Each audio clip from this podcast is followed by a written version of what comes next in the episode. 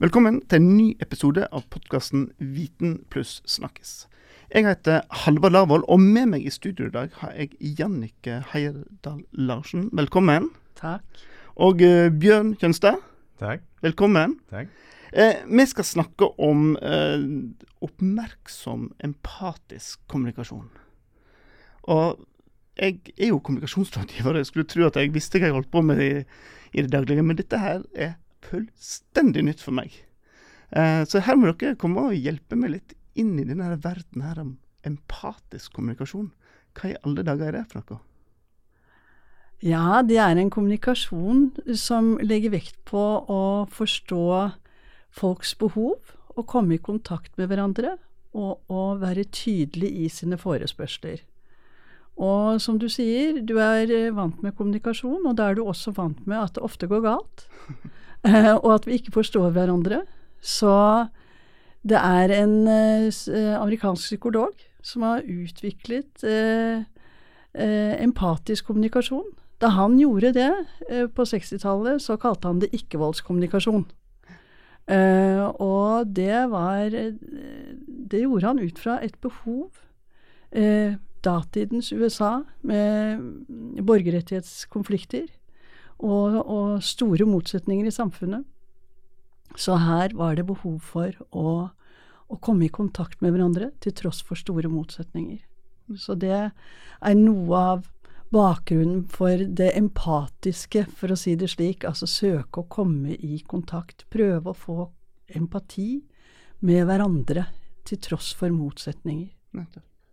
Så når vi sitter rundt her nå og prater sammen, hva skal til for at vi kommuniserer empatisk? Hvordan skal jeg øve meg på dette her for å være en god kommunikatør med dere? Ja, hva vil du det, si? Eh, først og fremst så er det jo å um, være til stede. Sånn at jeg ikke henger meg opp i det som har skjedd før, eller hvordan skal vi finne podkaststudio eh, osv., eller hva jeg skal gjøre etterpå. Um, så, så det da trenger jeg en tilstedeværelse. Så det er kanskje det, et av de tingene vi trener på, å bruke en del mindfulness-teknikker i det for å komme. Og så Det er meg. Men så er det jo deg, da. og så er det da for da å prøve å fange inn hva er det du faktisk sa? Hva var det du spurte om? Og prøve å lytte bak ordene. Så nå ser jo ikke dere lyttere det, men nå ser jeg på deg, ser at du smiler og, og nikker, så da tenker jeg ja, da er jeg nok på sporet av det du spurte om. Mm. Og det er den empatiske delen. Å prøve å virkelig å tre inn i ditt sted.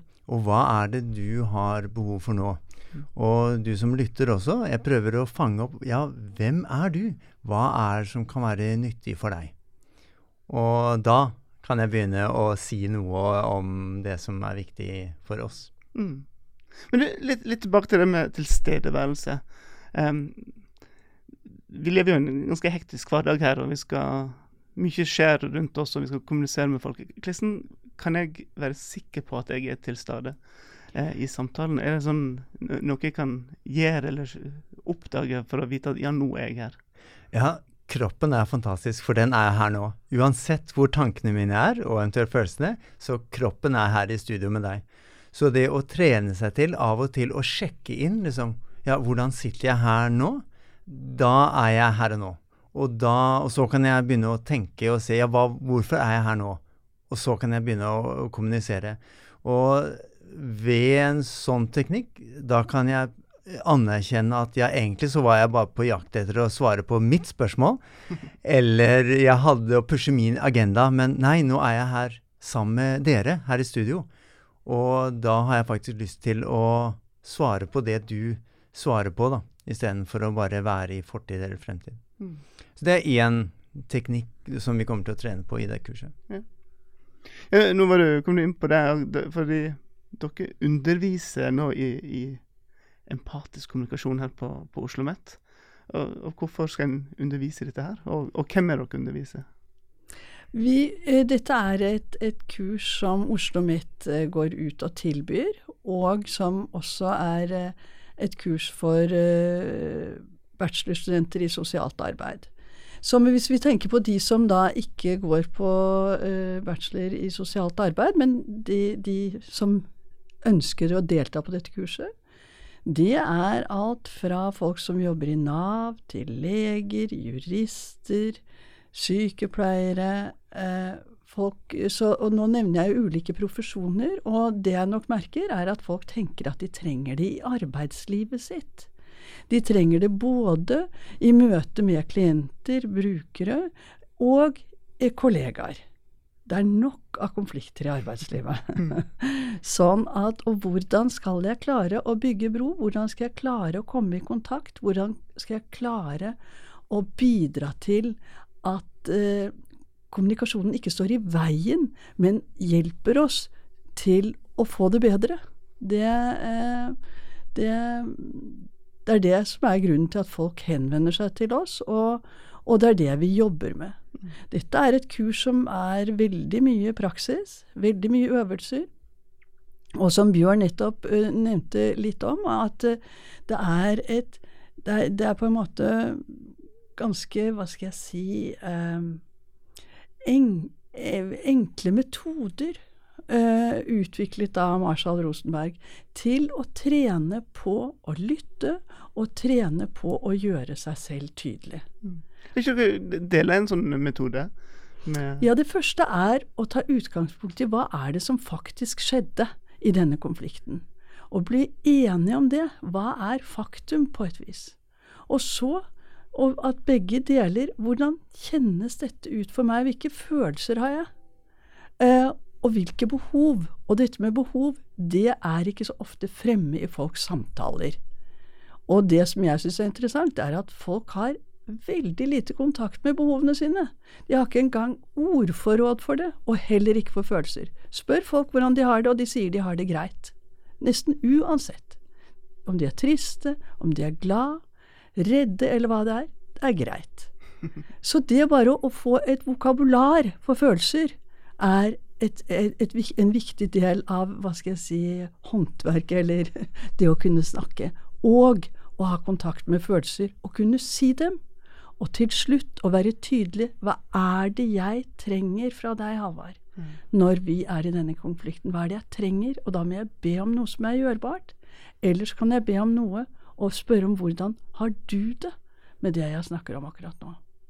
Men, men dette blir jo veldig fort intimt, tipper jeg, for mange. At det her er veldig personlig, og skal jeg begynne å sette enda flere nye ord på hva jeg føler i ulike situasjoner. Ikke det, vil ikke mange oppleve det som litt skummelt? Det tror jeg. Det, det, det, det, tror jeg. Samtidig så er det veldig interessant. Hvis du hører på Dagsnytt 18, så snakker folk om følelser hele tiden, sier de.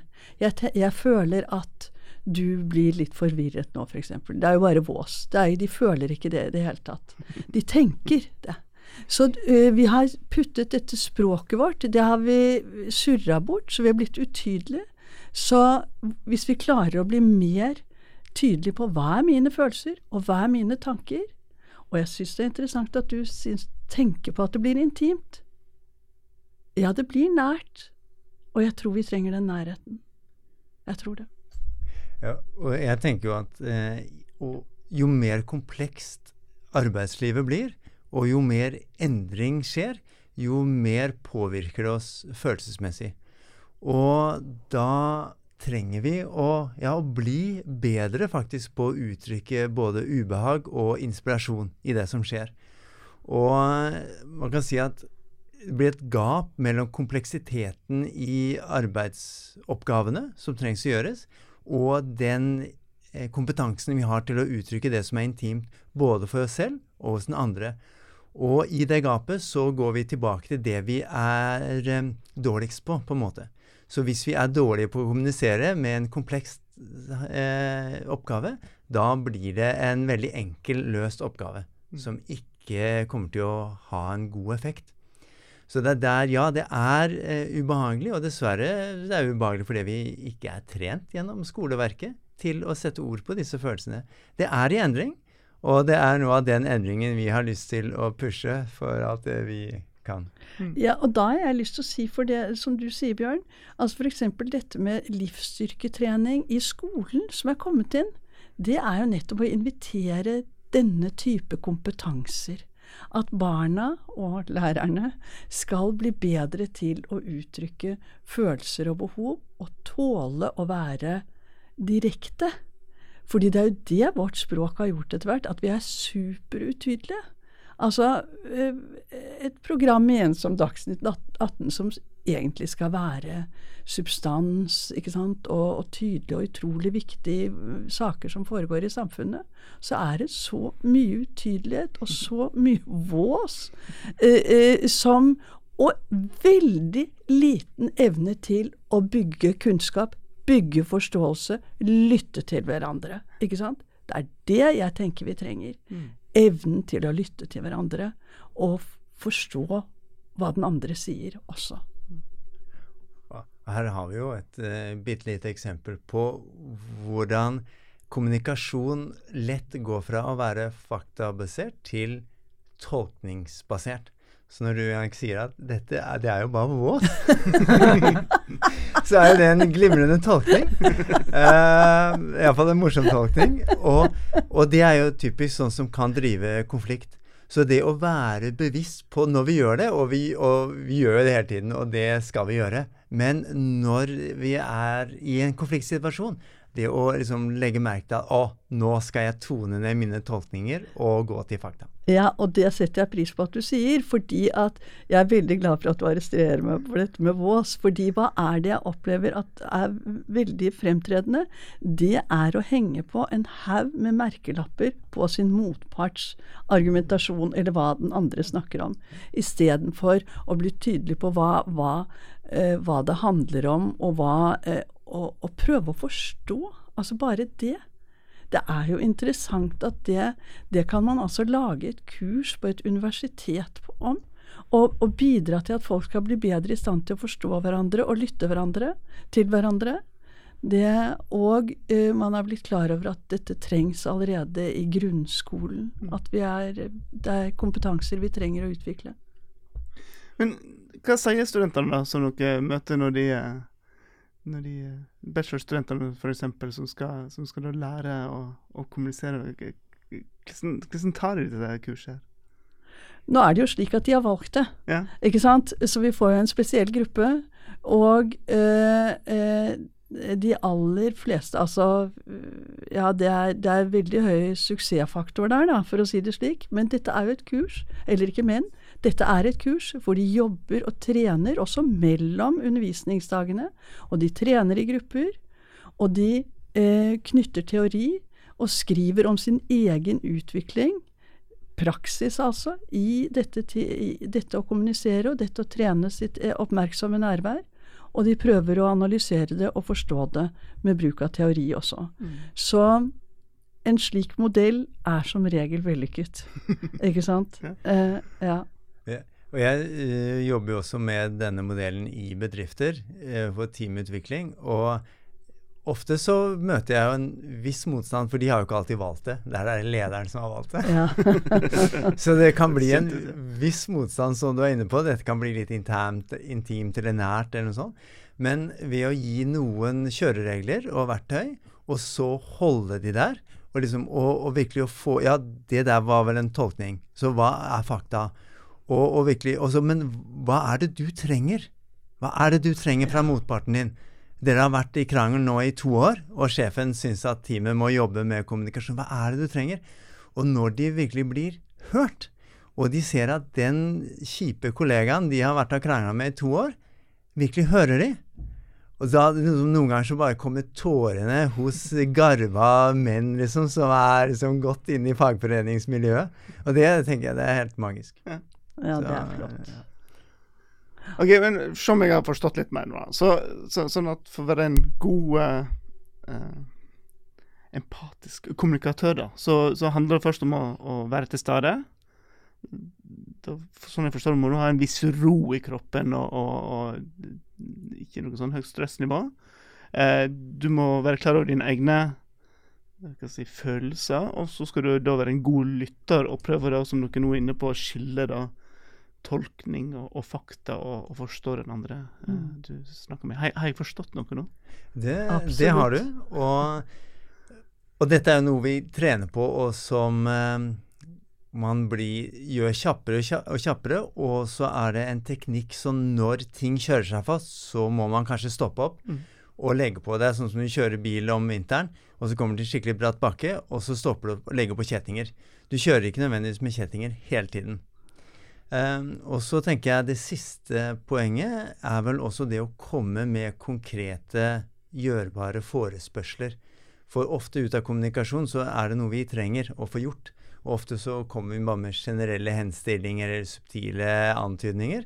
Men istedenfor å si at uh, Halvor, kan ikke du eh, stille det spørsmålet en gang til på en litt annen måte, så skal jeg svare så godt jeg kan. Ja.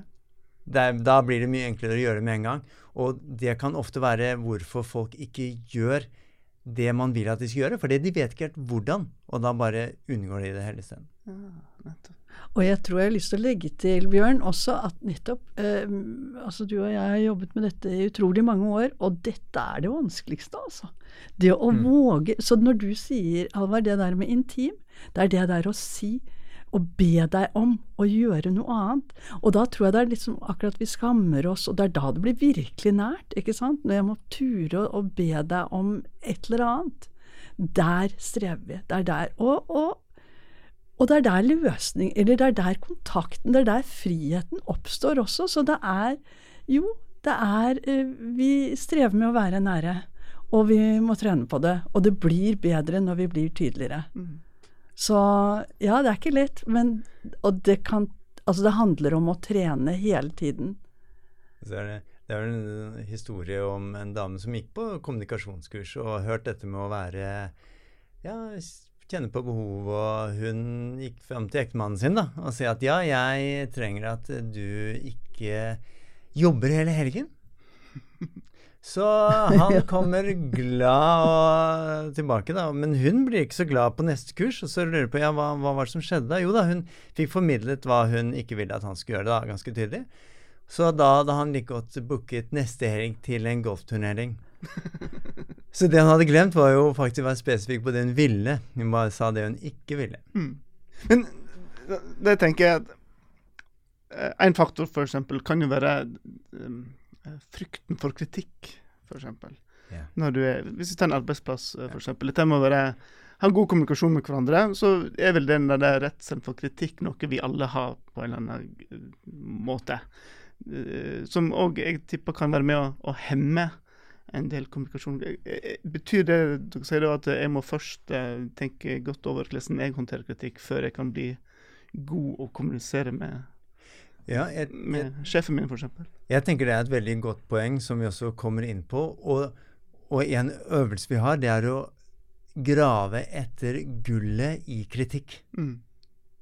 Og det å innse at eh, en, en gave, selv om den kommer i en skikkelig dårlig innpakning, skikkelig krøllete matpapir, så kan det være den fete mobiltelefonen inni.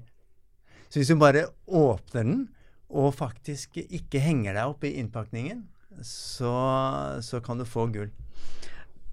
Ja, og jeg tror eh, det høres øh, øh, spennende ut. Samtidig så vil jeg si at noe av dette med kritikk, det er øh, Veldig ofte så kritiserer vi Altså, jeg mener at jeg kan prøve å forklare at jeg har det dårlig fordi du gjør sånn. Altså, og det er sånn kritikk veldig ofte kommer. Eh, og da uh, der rydder uh, ikke-voldskommunikasjon eller empatisk kommunikasjon ganske godt opp. Fordi når du gjør sånn, så kan det godt tenkes at jeg føler et eller annet, men det som jeg må prøve å lete etter inni meg selv, det er hvilke behov som står på spill for meg nå. Det er ikke din skyld at jeg har det sånn som jeg har det, men det er noen viktige behov som står på spill for meg. Og det er det jeg tar ansvar for. Så for meg så er dette en ryddigere kom øh, kommunikasjon. For som regel så er kritikk at jeg gir deg skylda for hvordan jeg har det, og det skal jeg ikke gjøre. Jeg må ta ansvar for hvordan jeg har det selv, og så kan jeg be så kan jeg si at når jeg da kjenner meg veldig urolig eller bekymret eh, La oss si at du, du og jeg vi bodde sammen, og du sier aldri fra når du kommer hjem, for å si det slik. Så ok, jeg kjenner at jeg blir urolig da. Så da er det det som er viktig for meg. Så da kan jeg be deg om Halvard, kan du ringe eh, og si fra når du ikke kommer hjem om kvelden, Mm. for det gjør meg mer rolig. Da tror jeg det er lettere for deg å få det du før hadde fått som kritikk. Da hadde du skjønt hvor jeg, eh, hvor jeg snakker ut fra, mer enn at jeg kritiserer deg. Og det blir tydeligere at det er en grense mellom oss. Hvordan høres det ut? Det høres veldig lurt ut, og så sitter jeg med en gang og tenker på hvordan skal jeg ta dette her ut i det, i, ut i det daglige. For i det private så, så høres jo dette veldig fornuftig ut. Men, eh, men hvis du skal liksom, gi en kollega tilbakemelding, og du mener en kollega har gjort, eh, gjort en dårlig jobb, kunne gjort noe bedre, hvordan skal du ta det eksempelet litt ut eh, til en god Jo, kollega? uh, ø, jeg kommer med en gang Jeg har nok av konflikter i arbeidslivet, for å si det sånn. Men uh, små og store. Men, eh, og en, eh, jeg husker en, en konflikt eh, som ikke er så langt tilbake. Hvor, eh, hvor eh, en forelesning eh, som jeg skulle holde, ikke lenger skulle være. Og jeg ble kjempeforbanna. Og, og for det første så ble jeg veldig, uh, hva skal jeg si, unyansert. Jeg opplevde Og jeg, jeg fikk fantasier om at jeg var strøket fra hele forretningen, for å si det slik. Ikke sant? Så jeg ble helt utydelig. Og så jobbet jeg en del med meg selv. Og så øh, øh, tenkte jeg jeg må be om å få snakke med hun som har tatt meg av det jeg kalte plakaten. Og det var jo greit å gjøre. Altså det å si at jeg blir kjempeurolig, og jeg lurer på om vi kan snakke om dette. Var ikke vanskeligere, altså. Mm. Ja, og det er jo når du, et eksempel på noe at du tar ansvaret for å, å, å gi en tilbakemelding, på en måte. Og jeg tenker eh, en annen typisk kunne være at ja, jeg kan få en, en tilbakemelding om at Bjørn, du bare snakker i det vide og det brede, og det blir jo aldri sånn Hva er poenget? Og da, da kan jeg bli litt svett, og det kan være lett å gå i forsvar. Og, og spesielt fordi jeg kjenner det igjen. Og en av mine lærere sa en gang han stikk i en tilbakemelding ligger i sannheten. Så da liksom å kjenne OK. Og så liksom kjenne etter frustrasjonen og ønsket om å ta tilbake hele pakka. Så bare, og der kommer liksom denne mindfulness, tilstedeværelse. ikke sant? Ja, jeg er forbanna nå. Og det, jeg skal ikke svare med å slå eller gå til angrep. Nå skal jeg For her er, det, det er en som har tatt sjansen på å skjelle meg ut. Og da er det en liten, ganske høy risiko for den andre, så jeg skal Ok, hva er, hva er det i denne kommunikasjonen? Er det noe sannhet der som jeg skal ta med? Og da prøve å grave. Så ja, ok, jeg hører at det er et eller annet du vil fortelle meg. Kan du, Det har noe med at jeg snakker mye. Kan du si noe mer om hva det er jeg gjorde, når jeg gjorde det, og kunne jeg gjort det på en annen måte? Og da han kommer tilbake Ja, spesielt når du skal starte å introdusere kurs. Da Det tar ofte sju minutter. Og vi har jo snakket om at det burde ta minst maks fire minutter. Så liksom bare kjapp intro, deg, meg, og så tema, og så kaste ballen videre. Så, ja, ja, men det kan jeg gjøre. Og da, da kommer jeg til gullet. Ja. Og det trenger jeg å vite. For at vi skal lage gode kurs, så, så vil jo ikke folk høre på meg i det vide og brede. Så vær konkret. Ja. Fort. Og det, og det krever litt øvelse for å, å, virkelig å anerkjenne at ok, den skyllebøtta, den kan jeg bare la passere. Og så kan jeg gå tilbake og grave etter gullet. Nå har dere nevnt dette begrepet eh, mindfulness et par ganger i samtalen her. og Det, det er noe som jeg tror mange har hørt om, og kanskje har noen ideer om, men kanskje ikke helt vet faktisk hva er. Eh, Og, Bjørn, kan ikke forklare hva, hva er mindfulness opp mot dette vi nå snakker om, om oppmerksom, empatisk eh, kommunikasjon? Ja, mindfulness i sin enkleste form kan beskrives som en vennlig og aksepterende holdning til det som skjer i øyeblikket. Og dette kommer jo fra eh, Dette er jo Folk har praktisert i tusenvis av år i forskjellige tradisjoner og har blitt popularisert eh, i utgangspunktet med folk med kronisk smerte.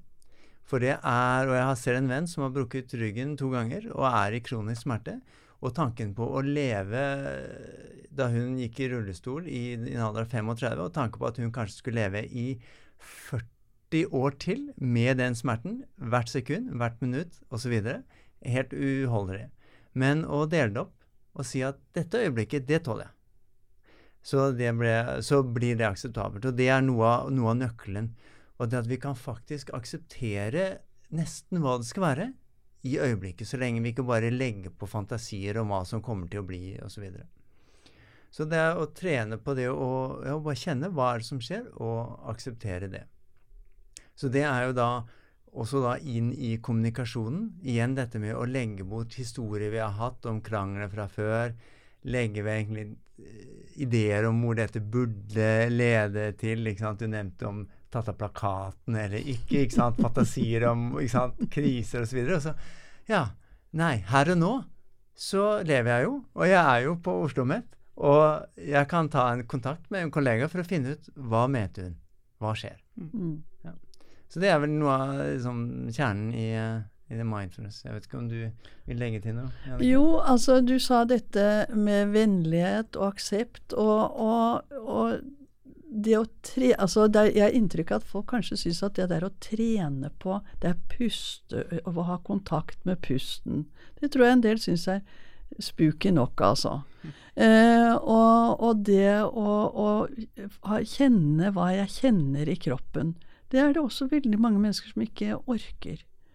Eh, og, og, det uh, må jeg si, ut fra lang erfaring med å trene på mindfulness uh, Og jeg er jo en godt voksen dame som har opplevd mange nesestyver i livet, for å si det slik. Og da har det å trene på å være til stede i også de aller verste øyeblikkene jeg har lyst til å nevne og si at jeg mistet sønnen min i en ulykke. Og eh, da var det å trene på oppmerksomt nærvær noe av det viktigste i min eh, prosess. For å være til stede i det vonde, og, og for å være til stede i, i, livet, og for å gå videre i livet. Så øh, Og det Eh, og det denne med denne vennlige holdningen, tålmodighet to, Altså utvikle tålmodighet. Det er liksom å styrke noen kompetanser. Styrke vennlighetsmuskelen. Styrke det å, å tåle å være til stede. Og for meg gir det mye mer glede i livet. Absolutt. Jeg ser bedre, jeg hører bedre. Nå høres jeg ut som en misjonær, men det får sjelen være. ja. Også den, med den vennligheten du snakker om, da, så tenker jeg det også å kultivere det overfor den andre, og her er vi litt tilbake til dette med empati. Og se da, hvis man har en typisk kollega Jeg har jo også en, en familiemedlem som ja, som gått over tid, som jeg kjenner godt, og jeg har bygget opp en kompetanse om denne personens dårlige sider. og da det, kan det være vanskelig å se de gode sidene, og at de, men, de, er et menneske. Og når man kommer innpå mennesker, så ser man jo ofte hvorfor de har blitt som de har blitt. Og da kan man lettere eh, legge de dårlige sidene til side. Og dette er også en, en kompetanse som er en del av dette mindfulness-begrepet. Og som i utgangspunktet så stritter folk. Så jeg, nei, jeg har ikke lyst til å akseptere eller se de gode sidene i Kari eller Ola. Ferdig. Men med litt lemping, og så kan vi begynne å se, og så kan man da virkelig begynne å se personen bak det ubehagelige. Mm. Og det igjen er rørende når det skjer. Mm. Mm. Det kan hende det er et sidespor, men vil, tilbake til liksom, det profesjonelle livet. Eh, og du snakker om god kommunikasjon her. Her på Oslo Met, vi er jo veldig glad i å sende e-poster, f.eks. Og det er når du kommuniserer digitalt, så blir jo ting så hardt. Uh, det er sånn, Du sender en e-post så er det, det blir så ja, veldig brutalt på mange måter hvis en skal, skal kommunisere kjapt. Kan en, kan en kommunisere godt empatisk digitalt, eller er dette kun noe en kan få til med å sitte sammen sånn som vi er nå? Jeg tenker det er mulig å kommunisere bedre digitalt. Og det handler jo igjen liksom om det å skille fakta fra tolkninger, og gjerne legge inn noe om hvorfor dette er viktig for deg. Altså legge inn en eller annen følelseskomponent, eller iallfall behovet. Er, hvorfor er dette viktig for deg? Ikke bare sånn Halvard, du må stille opp der og da. Nå. Punktum. Ja. Ironisk. Ja. Men å si at er, vi har dette kurset som, gjerne, som vi gjerne vil sende ut, sånn at flere får mulighet, for det er ennå noen ledige plasser igjen, f.eks. Har du anledning til å lage en podkast så fort som mulig? Mm. Ja, da, da har jeg sagt noe om mitt behov, og da vil det være lettere for deg å si oi, ja, det, det skjønner jeg. Dessverre så har vi ikke noen mulighet før jul. Men eller kanskje Ja, OK, ja, vi får til det på fredag. Ok. Ja, jeg, jeg er enig i det at jeg leser ganske nøye gjennom uh, e-postene mine når jeg har skrevet dem, gitt at jeg skal skrive noe som er vanskelig å si. Og da er det dette å ta tingene hjem, altså ikke eh, Altså ta et ansvar selv. Det er noe av det jeg opplever at er eh, empatisk kommunikasjon hjelper meg med. Det er å ta ansvar for hva som er mitt, og bli tydelig på hva jeg trenger. Det ligger ikke noe kritikk i det. Ikke sant? Og som da Bjørn nevnte, altså når vi tar utgangspunkt i faktum, gitt at det er noe da som eh, ikke er levert, eller eh, hva det nå måtte være, så, eh, så, så er jo ikke det så vanskelig å lese for mottaker. Nei, det er helt riktig, jeg har ikke skrevet den artikkelen. Det er helt riktig. Og, og, og, og det er jo dette eh, Altså å ikke se på Altså ikke se på den jeg er i konflikt med som motstander, men en motpart. Altså, det, eh, det, er, det er viktig. Det er ikke min fiende. Uansett så er det ikke min fiende. Det er en motpart. Så det er et holdningsspørsmål og en praksis i dette som bør henge sammen. Og gitt at den blir noenlunde integrert, så er det, er det lettere å, å, skrive de vanskelige eh, mailene. Mm. Og så vil jeg jo legge til også å ha en en god um, anerkjennelse for når e-post ikke kommer til å fungere. Ja, det er sant. Så det er liksom, Og da altså Oi, nå er og, og igjen, kjenne på seg selv. Nå er temperaturen i meg såpass høy. Eller nå kjenner jeg på en motstand mot å sende denne e-posten, og da si Kan vi ta et møte? Ja, det er sant. Så, så, det er også en sånn varhet som man trenger i våre dager å, å, å, kultivere. For det er, som du kanskje antyder, det er så lett å bare ta en mail, og kanskje spesielt når det er litt vanskelig. Og da bare, bare se mailen, for da har jeg iallfall sendt det bort. Kvittert den ut. Ja, ja, det er ikke min lenger. Dette er veldig interessant. Eh, dere har vært inne på det, dere tilbyr ulike kurs her. Um, hvis du som hører på er interessert i dette, her, så kommer vi til å legge opp en lenke i, eh, i, på nettsida til podkasten. Så bare google 'Viten og snakkis', så finner du veldig fort fram der. Um, da, men et, et sånt kurs, hvor lang tid må jeg gå på kurs for å bli en god, eh, empatisk eh, kommunikatør, vil dere si? Hvor lang tid må jeg sette av?